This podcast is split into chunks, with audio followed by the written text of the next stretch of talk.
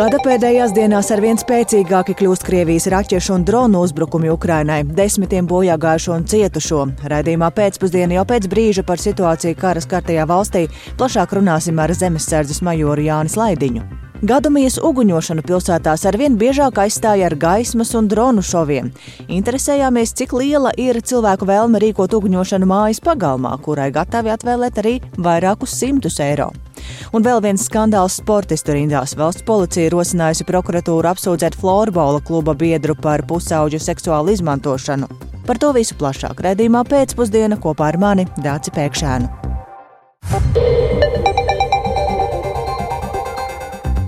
16,5 minūtes skanējumu sāk redzējums pēcpusdiena ar šī gada pēdējās darba dienas 29. decembra būtiskāko notikumu skaidrojumu. Studijā Dāca Pēkšēna, esiet sveicināti! Un sākam ar kārtējo skandālu sportistu rindās. Šodien kļuvis zināms, ka valsts policija rosina prokuratūru apsūdzēt kādu florbola kluba biedru par pusauģa seksuālu izmantošanu. Policija izmeklēšanas gaitā noskaidrojusi, ka lietā iesaistīts 15 gadus vecs florbola spēlētājs cietušā statusā un kāds 2003. gadā dzimis vīrietis, kurš bijis šī kluba biedrs. Vairāk par šo gadījumu jau tūdaļ izstāstīs kolēģis Mārtiņš Kļavinieks. Šobrīd viņš pievienojas studijās. Sveiks, Mārtiņa! Jā, par eh, kādu laika posmu šajā gadījumā iet runa, kad šis likuma pārkāpums ir noticis un eh, kas ir noticis? Jā, sveika, Dārcis, sveicināt klausītāji. Nu, diemžēl ārkārtīgi skumji, ka gada nogalē par kaut ko tādu ir jārunā, bet nu, tas ir mēdī darbs. Mums par to ir jārunā, ja tas ir noticis, un ļoti labi, ka valsts policija jau savu darbu savām nu, vismaz kaut kādā konkrētā nogriezienī ir padarījusi. Runa ir par 2022. tātad pagājušā gada um, novembri, kad uh, valsts policija saņēma iesniegumu no kāda florbola sporta kluba, nu, kas starp uh, kluba biedriem izplatās pornogrāfisks saturs. Tajā redzams šis 15 gadus vecais uh, puisis, uh, florbola spēlētājs. Nu, un uh, beigās, sākot šķetināt lietu, tad arī valsts policija tik tālu ir sapratusi, ka jā, runa ir par šo 15 gadus veco zēnu. Un, kādu 2003. tātad šobrīd 20 eh, gadus vecu vīrieti, kurš šantažēja šo puiku, un eh, tas viss sākās ar to, ka mm, šis vīrietis izlikās par meiteni kādā sociālā saziņas vietnē, lūdz atsūtīt eh, dažādi seksuāla rakstura fotogrāfijas, arī video, un, un tālāk jau ar to palīdzību arī puisi šantažēja, arī vairāk kārt ticies klātienē pēc tam ar šo zēnu, bija šis te vīrietis, un tālāk jau, jā, ar šantāžas palīdzību lika arī, nu, veikt sev netiklas darbības, nu, tur tas kopējais apsūdzības skaits ir ļoti liels, 12 kopumā dažādi panti piemēroti, nu, tiešām ļoti, ļoti smagi tas viss izklausās un izskatās. Ir, ir runa par šo vienu puisi šajā gadījumā. Ja? Jā, jā un uh, tur nu, vismaz pagaidām, cik zināms, jā, ir runa par uh, vienu konkrēto puisi. Jā, puisim esot arī ilgstoši bijis kauns, viņš nav vērsies, nevienam stāstījis, bet nu, beig beigās tomēr tas nāca atklātībā. Nu, un tad arī šeit mm, tā tad, jā, tā tad pie krimināla atbildības var saukt par 12 sevišķu smagu un vienu mazāk smagu seksuālu raksturu noziegumu izdarīšanu šo konkrēto 2003. gadā dzimušo vīrieti. Nu, un, tur par smagāko no noziegumiem var saņemt arī 20 gadus aiz restēm. Ko par to visu saka Florbola Savienībā, kā uz to reaģējas tā? Jā, sazvanīju burtiski tikko eh, Ilvi Petersonu, Latvijas Florbola Savienības prezidentu. Viņš saka, ka jā, Florbola Savienība jau kopš novembra arī par to zina, un vismaz viņa prāt veikusi visas no viņiem atkarīgās darbības, jau tūlīt pat diskvalificējuši šo konkrēto, eh, nu, pagaidām nevainīgo, bet aizdomās turēto vīrieti. Un eh, paklausīsimies vairāk, ko Ilvis Petersons pats saka ar valsts policiju ar mums nav sazinājusies. Mums eh, būtībā gar viņu, kā baigo personu, īsti nekādas, eh, nu, saka, darīšanas nav. Par cik viņš tikai bija, nu, licencēts spēlētājs un. Tiesnesis arī. Jā, nu tur jaunatnes līgā viņš bija. Ja mēs viņu gribam piecelt par tiesnesi, tad mēs ar tevi droši vien esam tikpat lieli tiesneši. Ka mēs kā savienība esam pat, eh, pat ļoti proaktīvi noreaģējuši uz tiem pirmiem signāliem, un mēs tur pāris laikā mēs viņu gan atstādinājām no tiesnešiem, gan arī attiecīgie klubi, pie kura viņš bija licencēts, tie atsauc viņu licences. Jā, tālāk Ilvis Petersons, Latvijas Florbola Savienības prezidents, zināms, ka aizdomās turētais sākotnēji tika apcietināts, vēlāk atbrīvots pret drošības naudu, viņam jāpiesakās uh, ik pēc noteikta laika arī valsts policijā, nu un uh, izrādās, ka pats viņš arī vēl gribējis piedalīties kaut kādās Florbola sacensībās vai ar Florbola saistītos pasākumos, un Savienība tur uzreiz nocirta to visu pašā saknē un pateica, nekādā gadījumā mēs tevi te nelaidīsim, un tas arī, protams, pareizi. Nu, jā, Tāds ir tas uh, faktu kopums, ko mēs zinām šobrīd. Tā tad jāsako līdzi, kā tas tālāk virzīsies, bet nu, šis nav vienīgais skandāls šajā gadā. Teiksim, tā kārtējais, laikam, diemžēl.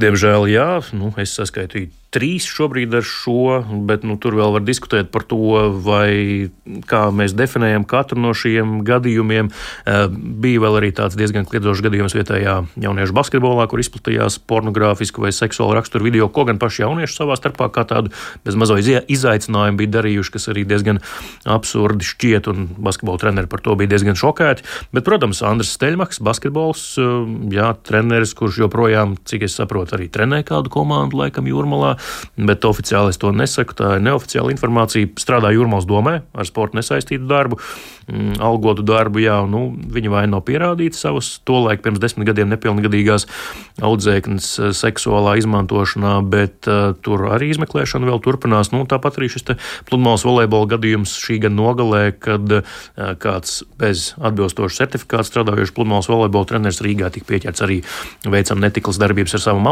savām audzēknēm, šķetinot lietu, tika saprasts, ka tā audzēkņa nav vienīgā, ar kuru viņš šādas darbības veids. Nu, es nezinu, Dats, mēs abi esam bērnu vecāki, mums bērni arī trenējas dažādos sporta veidos, ir dažāda vecuma, bet nu, es tikai aicinātu no savas puses, kā tēvs, un tu droši vien arī kā māma, runājiet ar saviem bērniem, pārunājiet to, kas notiek treniņos, un nu, tā, lai jūs zinātu, kas tur notiek, un lai viņi nebaidās stāstīt. Tieši tā, jo tā ir acīm redzot atslēga par to runāt, un tad arī šāda ga gadījuma tiek izgaismoti. Paldies šajā brīdī Mārtiņam Kļavniekam, Nu, tik tālu, diemžēl, par kārtējo pedofīlijas skandālu sporta aprindās šoreiz apsūdzēts florbola kluba biedrs. Sekosim, protams, līdzi izmeklēšanas gaitā gan šajā, gan arī iepriekš izskanējušās lietās, bet um, vecākiem liels pārdzīvojums ir arī bērnu slimošana, īpaši, ja tā ir ilgstoša, un šādos gadījumos tāda kā spēka stacija vecākiem bērnu slimnīcā ir vecāku māja. Taču nākamgad tai beidzas valsts un Eiropas struktūra fonda nauda, kas nozīmē, ka tā būs jāuztur tikai par ziedojumiem. Finansējumu nav arī onkoloģijas atbalsta projektam. Un cik daudz naudas vecāku mājai ir vajadzīgs, kāpēc ir izveidojies šāds caurums naudas plūsmā, un vai nākamgad var nākties no kaut kā atteikties par to visu plašāk Agnijas Lāsdiņas reportāžā. Mums ir tāda goda grāmata, mēs viņu saucam. Ja? Un te ir atsauksmes no vecākiem, priekš kam ir šī māja viņu vajadzībām.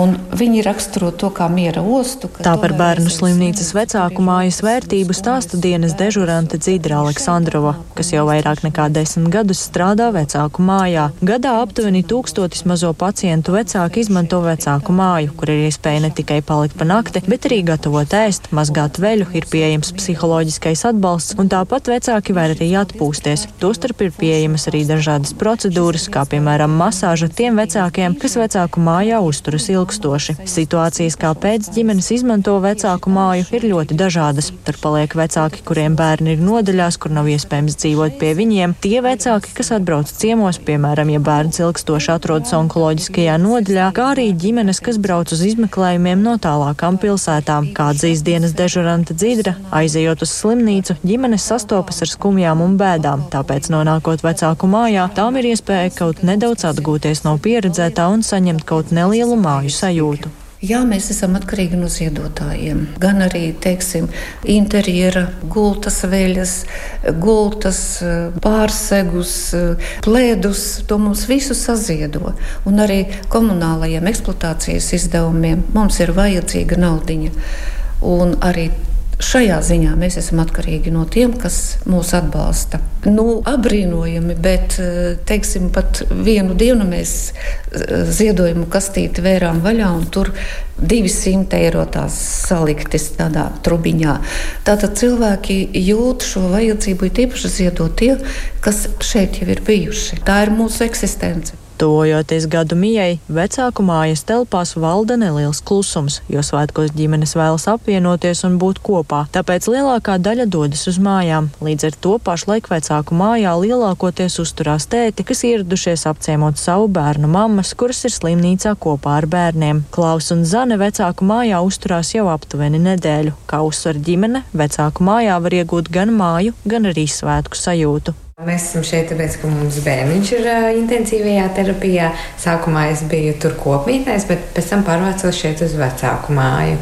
Tā ir ļoti noderīga. Šeit ir klusi, mierīgi. Tu vari šeit atpūsties, uzņemt jaunus spēkus, lai nākamajā dienā sāktu dienu no jauna. Nu, ļoti vērtīgi. Protams, man arī, jo te ir tāds klusāks un mierīgāks, bet visvairāk droši vien priekš tēta, tāpēc, ka viņš jau nevar būt tur. Tās kopmīts ir domāts mamām, un tad viņš var atbraukt, te palikt un arī savu bērniņu satikt. Jā, ļoti patīk, var satikt mammu, būt blakus un palīdzēt, atbalstīt. Lai uzturētu vecāku māju, telpas, piekļuvi tām visu diennakti un arī varētu vadīt onkoloģijas atbalsta projektu, gadā ir nepieciešami aptuveni 260 tūkstoši eiro, taču nākamajam gadam finansējums no valsts nav solīts un Eiropas struktūra fondu finansējums beigsies. Tāpēc ir cerība, ka pārāvums gan vecāku mājas uzturēšanai, gan onkoloģijas atbalsta projektu uzturēšanai varētu būt tikai pusgadu. Pašlaik slimnīcas rīcībā esot tik daudz naudas, lai spētu uzturēt vecāku māju, bet no onkoloģijas atbalsta projekta būs jāatsakās, jo tam finansējuma nav.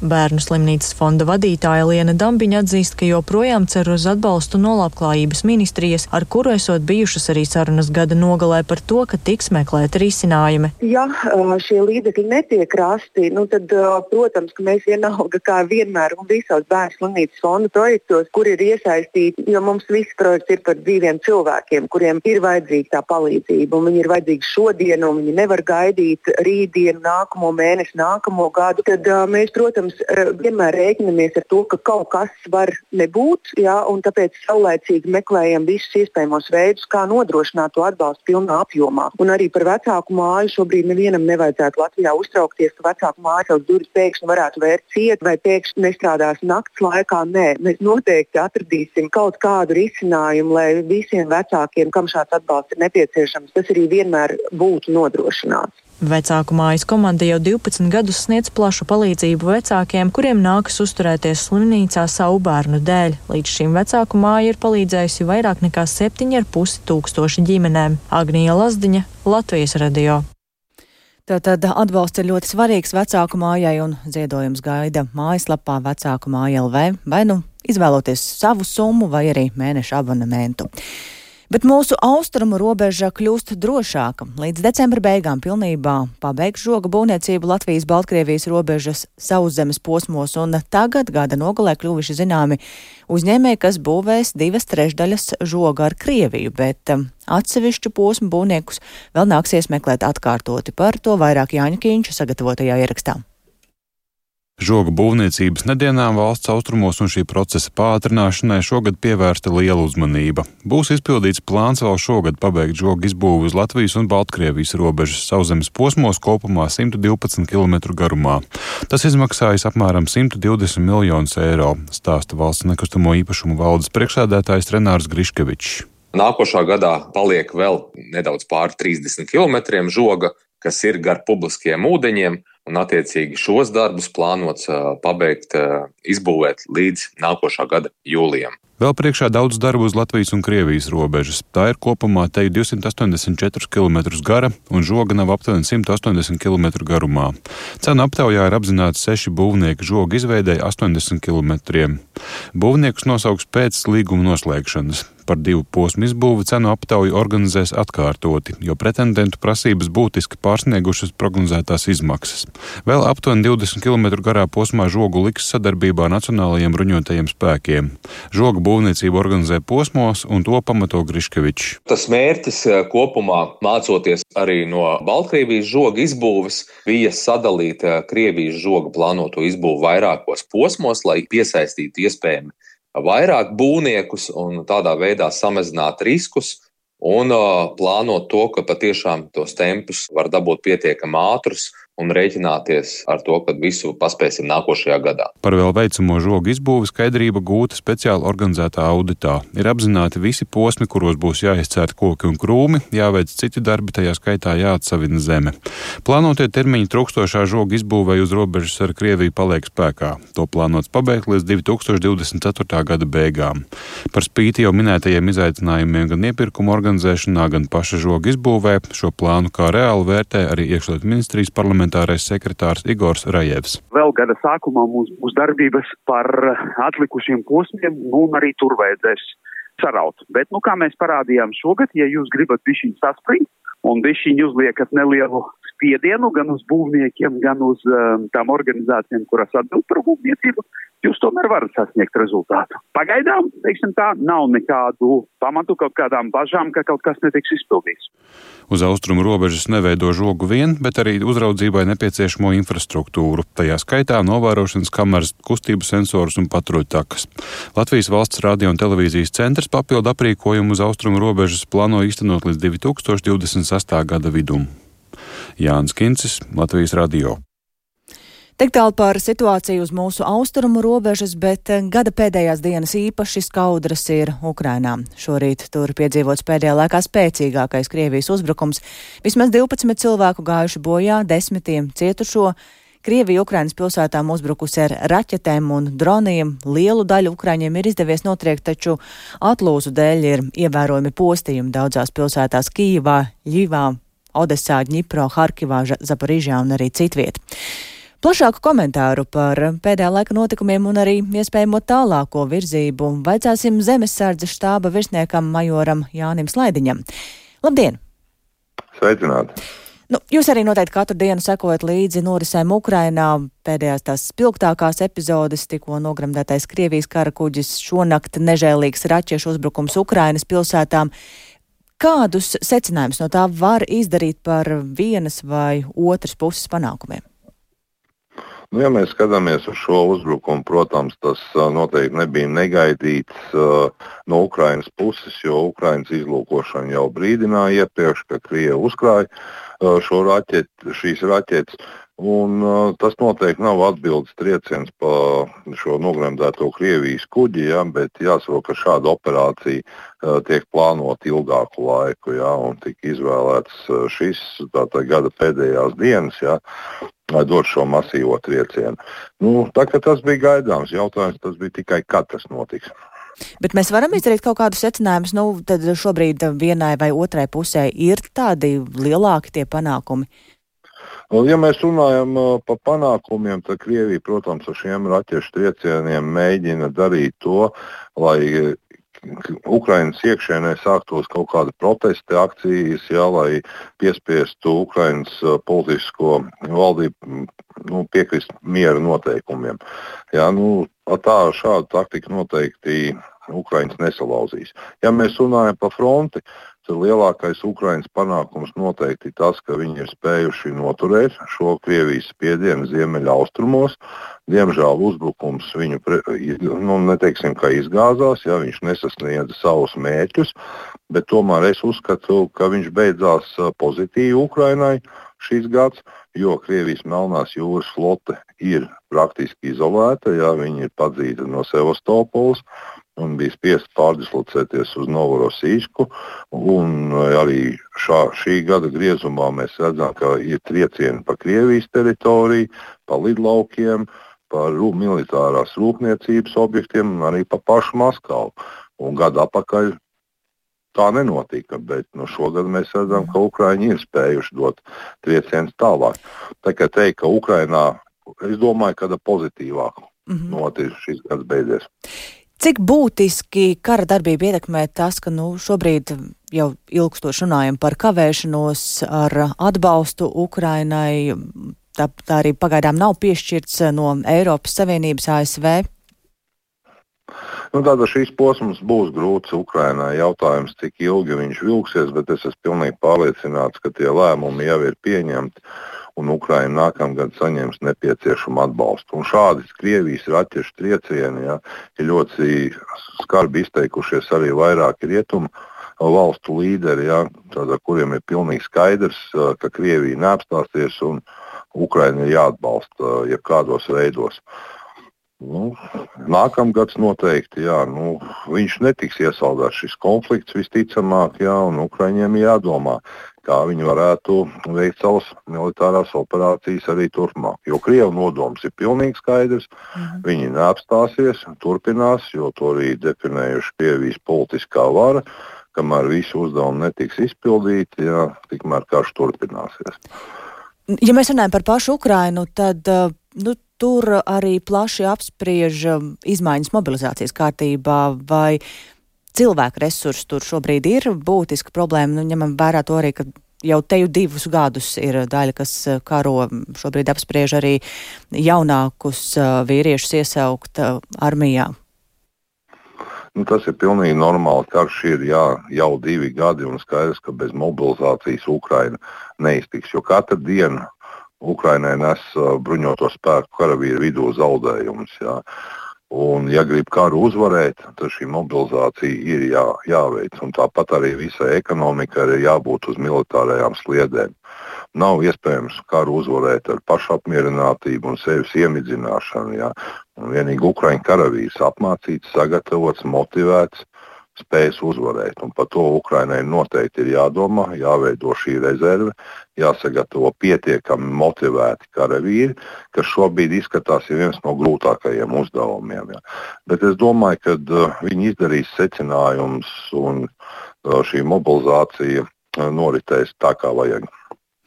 Kas... Un to arī saprot Krievija un pašlaik dara visu informatīvajā karā, lai mēģinātu Ukrainai izjaukt šo mobilizāciju. Krievi ir pastiprinājuši informatīvās kara operācijas. Bet tādā gadījumā, kas jūsuprāt šobrīd Ukrainai ir svarīgākais, lai varētu cerēt uz kādiem tādiem būtiskākiem pagrieziena punktiem, tad tie ir šie cilvēki vai bruņojums, ko, protams, arī Ukrainai nu, ļoti vajag? Un tādēļ skaidrs, ka bez rietumu atbalsta, rietumu sabiedroto atbalstu Ukraiņa vien nespējas veikt šo mobilizēto apmācību. Tad ar rietumiem arī ir jādomā, kā sniegt atbalstu taisni šajā jautājumā. Bruņojums noteikti, ja bez uh, moderna bruņojuma, to, ko teica Ukraiņu bruņoto spēku komandieris Zalužnīs, uh, nu, nevarēs uzvarēt karu. Bet noklausoties ģenerāļa Zalužnī pēdējo šo preses konferenci, man tā likās, ka viņš ir diezgan optimistiski noskaņots uz nākamo gadu. -hmm. Par šo gadu jūs jau teicāt, ka jūs teiktu, ka Ukrainai tas vairāk ir uz pozitīvas nots. Ar kādām prognozēm raugāties jūs nākamajā gadā, vai arī varam cerēt uz pozitīviem pavērsieniem? Nu, šobrīd izskatās, ka plāna abām pusēm nav mainījušies. Jā, un, Ukrainai noteikti nākamā gadā jādomā, kur izdarīt šo sitienu. Visticamāk, tas būs frontes dienvidi, Zaporiža un Hersona. Tur izskatās daudz lielākas um, iespējamības, ka Ukraiņi varētu spēt attīstīt uzbrukumu. Un tāpēc ir ļoti gaidīti uh, F-16, lai pastiprinātu Ukraiņas gaisa spēkus, kuriem noteikti būs um, liela loma turpmākajos uzbrukumos. Krievijas galvenie, jā, viņi mēģinās noteikti noturēt Helsinas Zaporižas apgabalus, jo Ukraiņi uzskata, ka karu, kara darbību vajag uh, pārnest uz Krimu, un tas izmainīs uh, situāciju visā frontē. Ziemeļaustrumos tur ir sarežģīti veikt militārās operācijas. Jā. Tur galvenais, lai Ukraiņas spēki notur šo uh, fronti un iztur šo Krievijas bruņoto spēku spiedienu. Jo nākamgad viņi turpinās tādā pašā virzienā un izskatās, ka šīs Krievu darbības ir diezgan paredzamas uz priekšu. Mm -hmm. Paldies Zemesardžu štāba virsniekam majoram Jānim Slaidiņam par um, vērtējumu un arī prognozēm. Un tās Tikai vēlreiz apliecina, cik būtisks ir arī nākamajā gadā mūsu atbalsts Ukrainai, naudiskā izteiksmē Latvijas palīdzība Ukrainai kopš Krievijas agresijas sākuma ir sasniegusi teju 600 miljonus eiro. Bet pievēršoties vēl vienam karstajam punktam pasaulē, pēdējās dienās desmitiem cilvēku ir nogalināti Izraēlas aviācijas uzbrukumos Gazas joslas centrālajā un dienvidu daļā, kur izrēlieši paplašina savas militārās operācijas pret teroristu grupējumu Hamas. Tas ir piespiedis simtiem tūkstošiem cilvēku pārvietoties uz Gazas dienvidiem, kur jau līdz šim bija patvēries milzīgs skaits no kara darbības bēgošo, tikmēr Kairā ar um, Hamas līdzdalību notiek sarunas par Ēģiptes piedāvāto plānu kara izbeigšanai. Vairāk stāsta Uldis Česbers. Izrēla turpina intensīvus uzlidojumus Gazas joslā, attīrot ceļus sauszemes spēkiem, kuru galvenās operācijas pašlaik norisinās teritorijas centrālajā daļā.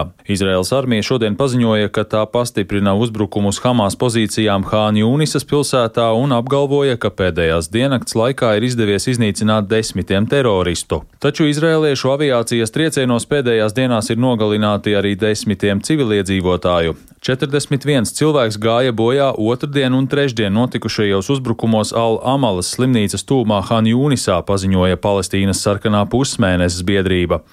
ANO apgalvo, ka aptuveni 150 tūkstoši cilvēku dažās dienās ir bijuši spiesti pamest Gazas centrālos rajonus un doties uz dienvidiem.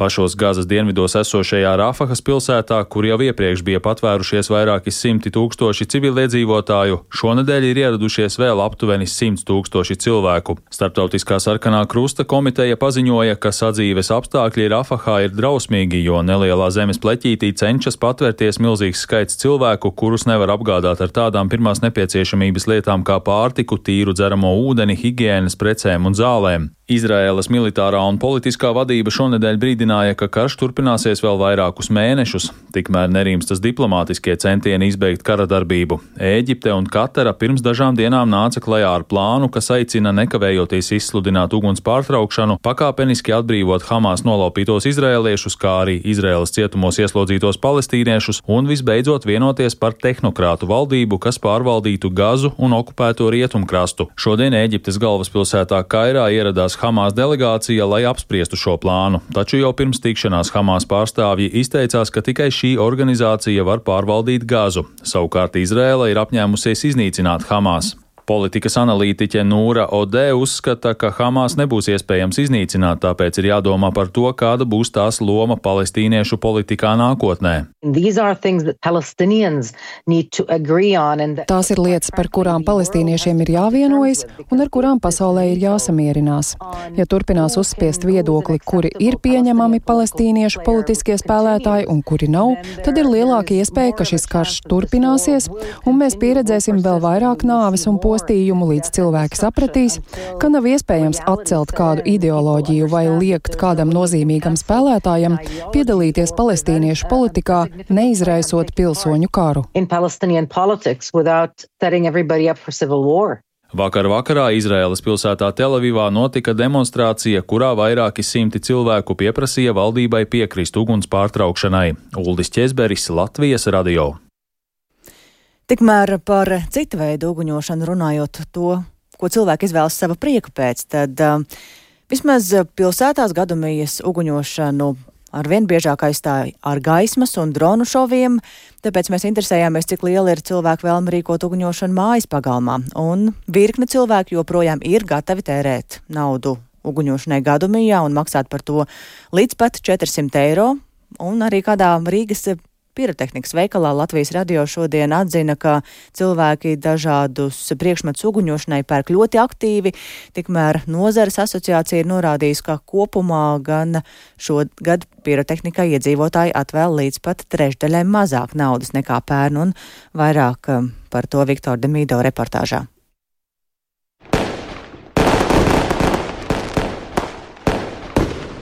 Svētku laikā, un jo īpaši īsi pirms gadumijas, cilvēki aktīvi pērk pirotehniku. Lai noskaidrotu, vai arī šogad cilvēki veltīs naudu uguņošanai, apmeklēju vairākas Rīgas apkaimes, kur, salīdzinot ar centru, salūtu šķiet var novērot biežāk. Jautrāk mēs vienmēr draugu kompānijā samitamies un paši šaujam salot vienmēr jauno gadu. Arī šogad taisāties? Ir cerība, ka jā. Bet mēs vēl neesam sākuši pirkuši un domājuši, bet ir doma, ka jā. Cik apmēram tērēsiet naudu? 200 eiro. 250, 200 kaut kas tāds katru gadu apmēram tikpat vai vairāk? Apmēram, jā, tur plus mīnus. Tur, kas tad ir 10 no. cilvēku kopā tās pa 10, 15 eiro, 20 un tad nopērkam lielu salūtu? Es personīgi nē, bet ģimene jā. Patīk lietot pirotehniku. Bet man personīgi nepatīk. Es vienmēr stāvu kaut kur tālumā no, no pirotehnikas, jo es baidos. Cik tērēt naudu? Tas ir līdz 100 virsmas. Es nezinu, es nepateikšu. Es pat nezinu. Jā, principā, zā, to, ka jā, protams, to. Esmu par pirotehniku, bet esmu pret to, ka nevar šaut, kad vēlos. Piemēram, par stundu agrāk vai vēlāk, vai kādā citā laikā. Pirotehniku pats gan nepērku, bet ja kāds cits šauj, es neesmu pret. Ну, рядом люди стреляют, я не против. Mans draugs bez acis palika. Tā bija Daugopili. Ā, Bija kāza viņai māsai. Un pēc tam viss. Jūsu citi draugi pērk vispār tērē naudu? Nē, tas vispār neinteresē nekādus. Nopirkt skaisti. Labi. Pie jūras taisamies sagaidīt jauno gadu. Attiecīgi putniņi tur nav. It kā cilvēki arī patīk patīk. Debesis atvērts, skaists. Nu, un raķetīti uzlaist vienu jau sagaidīt jauno gadu. Poršs taču, ne? Naudas tēriņam nav, nav nozīmes īstenībā, jo svētki ir tad, kad tev dvēselē ir svētki. Ja? Bet nevis tad, kad tev ir nauda vai nav naudas. Ne? Lai gan uzrunātie pirotehnikas cienītāji šogad netaisoties samazināt tēriņus salūtam, Neatkarīgo pirotehniķu asociācijā aģentūrai Leta atzina, kā gadu mijas svētkiem pirotehnikai cilvēki naudu atvēl līdz 30% mazāk nekā pērn. Vienlaikus organizācijā norāda, ka precīzāka informācija būs pēc jaunā gada. Savukārt kādā pirotehnikas veikalā Rīgā atzīmēja, ka iedzīvotāju atsaucība ir liela. Salūtam cilvēki tērējot līdz pat 400 eiro, turpina veikala pārdevēja, kas vēlējusies palikt anonīma. Pārsvarā visi pērk 45, 35 eiro pērk. Ir arī, protams, ka vairāk pērk pa 90, pa 100, ir, ir pa 400 atnāk nopērk, dažādi ir bijuši. Bet tādi ir daudzi, kas pērk virs 100 eiro. Jā, ir daudz, jā. Tas ir desmitos mērāms. Desmitos, jā. Lielākoties visvairāk vienkārši nāk tur, paņem to vienkārši izšaut 12. un, teiksim, tā, un viss vai uz kādu dzimšanas dienu. Bet eh, kam tur uz kādiem kooperatīviem vai kaut ko, tad tur jau ir eh, daudz grandiozāki salūti. nāk Ziemassvētku, jaunajā gadā nāk novembrī ļoti maz bija, bet uh, Tagad ir diezgan daudz klientu tikuši vakarā. Tagad rinda pilnīgi stāv. Šajās dienās aktīvi strādā arī likumsargi, kas pirotehnikas tirgotājus pārbauda visā valstī, uzraugot, vai viņi ievēro drošības noteikumus, tirgo licencētas preces un vai nepārdod pirotehnikas priekšmetus bērniem. Valsts policijā norāda, ka secinājumi un dati par veiktajām pārbaudēm būs janvārī. Viktors Demidovs, Latvijas radio. Ja runājam par pilsētām, tad eh, tajās gadamijas uguņošana šogad notiks sešās - Ventspilī, Ogrē, Daugopilī, Valmierā, Jēkapilī un Rēzaknē. Siguldā salūtu varēs rīkot vienu stundu no pusdivpadsmitiem līdz pusvieniem naktī, savukārt Ogrē to varēs darīt uh, no pusnakts līdz vieniem naktī, un tādējādi šīs pašvaldības ir aizliegušas rīkot salūtu pulksten 11. vakarā, kas sakrīt ar Krievijas jaungada laiku. Pārkāpjot šos noteikumus, draudz sots līdz 350 vai pat līdz 1400 eiro. Savukārt mediķi pirms svētkiem iedzīvotājs brīdina ar pirotehniku būt ļoti piesardzīgiem, un par to vairāk neatliekamās medicīniskās palīdzības dienesta pārstāve Laura Bērziņa. Katru gadu tieši jaungada laikā NMPD mediķiem jāsniedz palīdzību tiem, kuri pārgāvības dēļ un alkohola ietekmē neuzmanīgi rīkojušies ar dažādiem pirotehnikas izstrādājumiem. Ja runā par izteiktākajām pirotehnikas traumām, tad, diemžēl, lielākoties tās ir smagas, plēstas brūces un plaši ķermeņa apdegumi, sejas savainojumi ar kaulu lūzumiem, acu bojājumi un redzes traucējumi, kā arī plaukstu bojājumi ar sadragātiem pirkstiem un pat amputācijām. Turklāt traumas gūst ne tikai pieaugušie, bet arī bērni un jaunieši, kuri tiek atstāti bez pieaugušo uzraudzības un arī mediķi aicina iedzīvotājus sargāt sevi, arī savus tuviniekus, lai kāda traģiska nelaime neaizēno jaunā gada svinības un iespējams arī visu atlikušo mūžu, un tāpēc ir svarīgi uzmanīties un rīkoties atbildīgi. Bet jaunais gads sāksies ar pārmaiņām vienā no pašiem izcilākajiem mūsu mūzikas kolektīviem Latvijas radiokori, proti ilgadējā kora mākslinieckā vadītāja un galvenā diriģenta Sigvārda Kļavas vietā stāsies diriģents Kaspars Putniņš. Sigvārds Kļava savu sadarbību ar kori nepārtrauks, bet turpinās veidot koncertu programmas un ierakstus Un Sigvārda Kļavas aiziešana no vadības ļoti daudziem arī pašā kolektīvā esot bijis pārsteigums. Viņš pats gan savu lēmumu sarunā ar Latvijas radio komentēja ļoti lakoniski. Visas pārmaiņas ir tikai un vienīgi uz labu. Plašāk par to Baibas Kušķis ierakstā.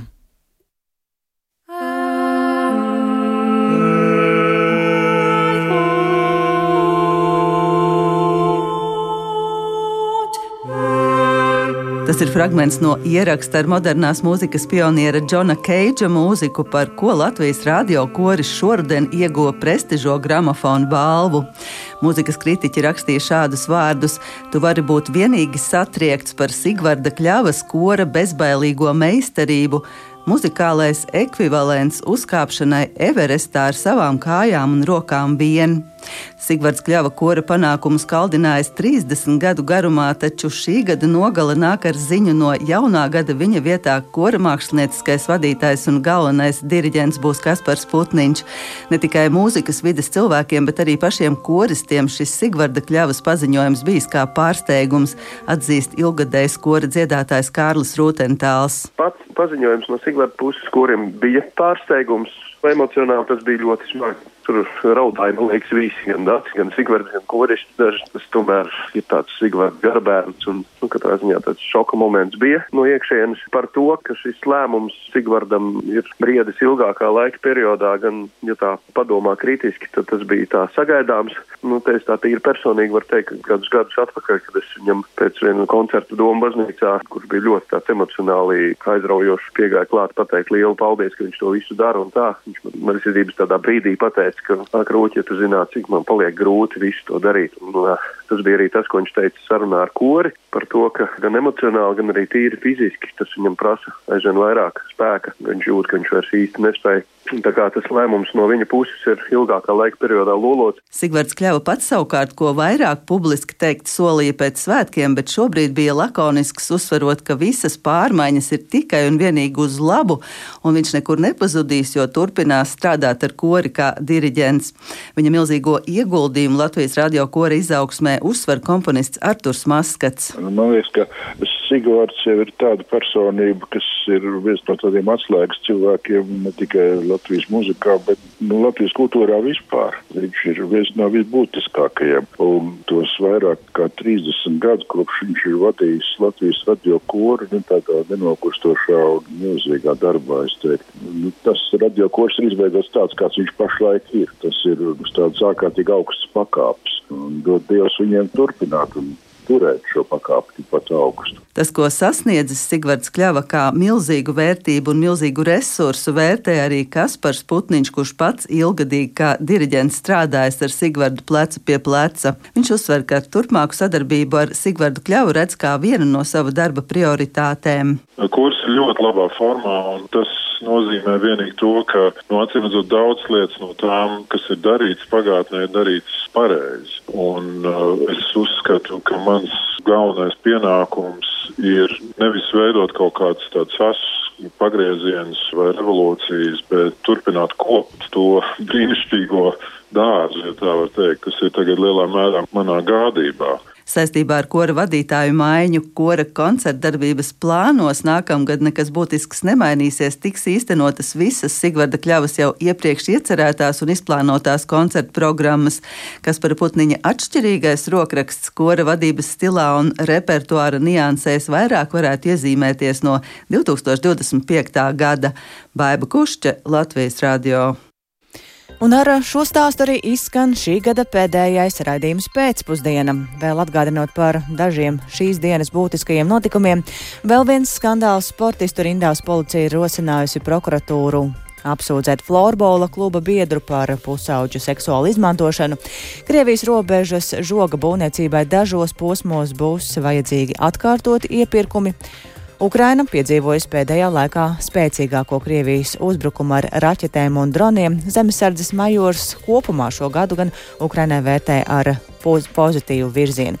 Ja kādu no šiem tematiem nedzirdējāt vai vēlaties dzirdēt vēlreiz, to noteikti var izdarīt Latvijas radio mobilajā lietotnē, atrodot mūsu raidījumu pēcpusdiena, ir jāmeklē dienas ziņas un Arī Latvijas radio sociālajos tīklos var sekot mums līdzi, bet um, nu gan vēlot mierīgu gada izskaņu un tiešām laimīgu jauno gadu mēs, šī raidījuma veidotāji Ilze Agīnta un Dāca Pēkšēna, kā arī Kaspars Groskops un Rīta Karnača no jums atvadāmies, lai tiktos jau pēc svētkiem 2. janvārī.